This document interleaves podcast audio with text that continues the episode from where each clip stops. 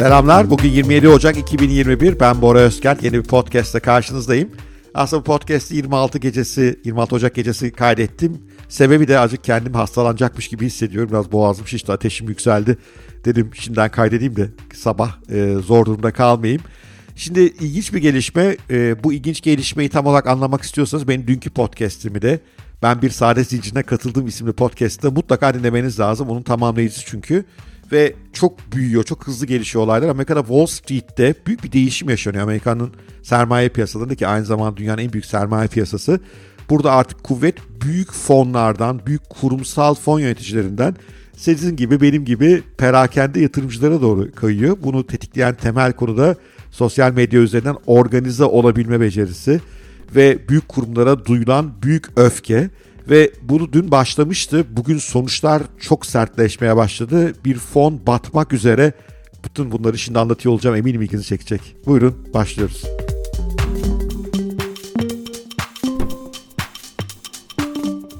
Dünkü podcastimde Reddit ve Reddit, Twitter, YouTube gibi platformlar üzerinden organize olan perakende yatırımcıların belli hisseleri birlikte davranarak satın aldığını anlatmıştım ve bu birlikte satın alma o hisseleri açığa satmış olan yani o hisselerin değerinin düş, düşeceğine oynayan e, fonları çok zorda bırakıyor.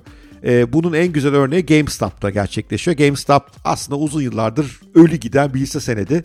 Oyun satan yani bir perakende dükkan zinciri bu oyunlar satıyorlar ve işte oyun e, konsolları tabii ölen bir iş modeli. Fakat bir şekilde e, 4 dolar olan yani bundan birkaç ay önce 4 dolar olan GameStop'ın hisse senedi değeri Dün gece itibariyle kaça geldi biliyor musunuz? Akıl almaz bir rakam. 209 dolara geldi. 4 dolardan 200 dolara. Bunun sebebi işte bu Reddit platformu üzerinden Wall Street Bets adlı bir hesabın takipçilerinin organize olup saldırıya geçmiş olması. çok yoğun alım yapıyorlar ve bu yoğun alımların sonucunda hisse senedinin değeri inanılmaz artıyor. Yani dün e, gün içerisinde %92 arttı. Pazar kapandıktan sonra da Amerika'da öyle bir şey de var. Pazar kapalıyken işlem devam edebiliyor. Daha kısıtlı sayıda yatırımcı. Orada da %41 daha arttı. O kadar sert ki bu hızlanma bu hissenin en büyük short yatırımcısı olan Melvin Capital dev bir fon dün 13 milyar dolar para kaybetti. Eğer bu sabah açılışta hisse senedinin değeri bu kadar yüksek kalmaya devam ederse Melvin Capital'ın iflas ettiğini görüyor olacağız. Yani perakende yatırımcılar bir short seller'ı iflas ettirebiliyorlar artık.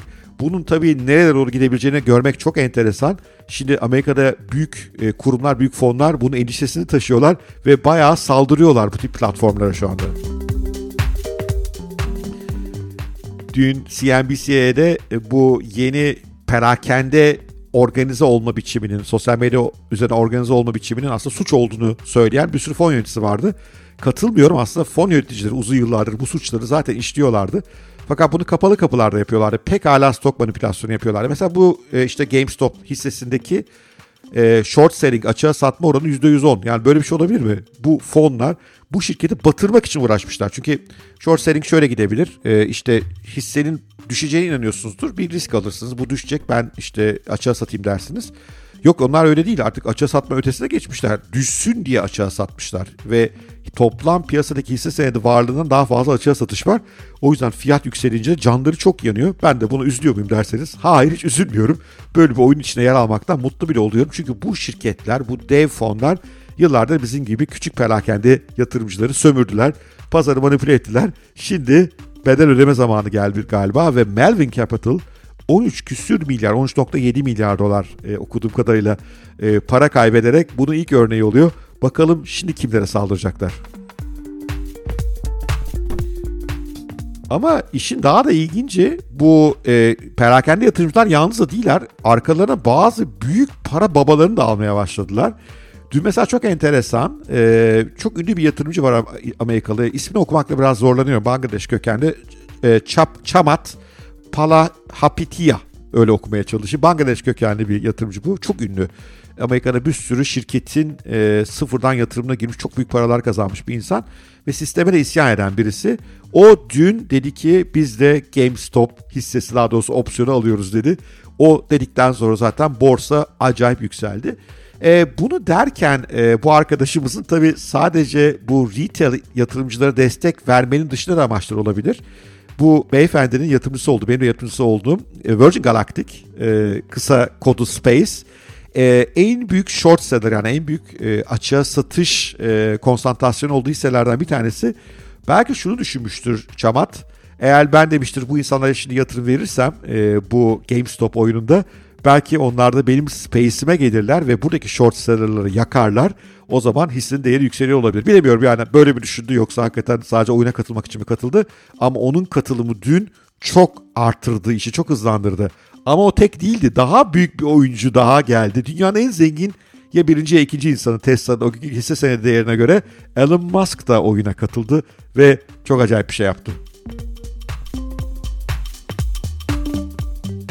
Elon Musk dün borsa kapandıktan sonraki saatlerde bir tweet attı ve Game Stonk dedi. Şimdi Game işte bu hisse senedine herhalde refere ediyor e, GameStop'a. Stonk demek de Amerika'da işte hisse senetleri dalga geçerken stok yerine bazen stonk diyorlar.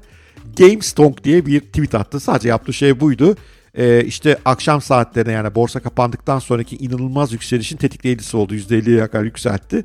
Çünkü insanlar şöyle düşündüler. Elon Musk da bu işe giriyorsa burada büyük bir hikaye var. Daha bu rakamın gideceği yer var diye düşünmeye başladılar. Elon Musk bildiğim kadarıyla bir borsa spekülatörü değil muhtemelen hisse senedi falan da almadı o. O daha ziyade bu short seller'lara açığa satanlardan nefret etmesiyle ünlü. E, çünkü Tesla'yı çok batırmaya çalıştı bu insanlar. Hani hakikaten savaştılar. Tesla hakkında yalan haberler yaptılar. Çünkü short seller'lar şöyle şirketin batmasını istiyorlar. O zaman e, çok kar ediyorlar bu işten ve çok uğraştılar Elon Musk'la. Hatta Elon Musk Tesla'nın değeri çok yükselince onlara short yolladı. Yani bildiğiniz işte aya altımıza giyebiliriz shortlardan yolladı espri olarak. Herhalde o da burada bazı shortları, short seller fundları batırma fırsatını görünce üzerine katılmak üzere bir desteğim olsun dedi ve oyuna o da bir tweetle girdi ve e, işte bu GameStop hissesinin dün daha da roket gibi yükselmesine neden oldu.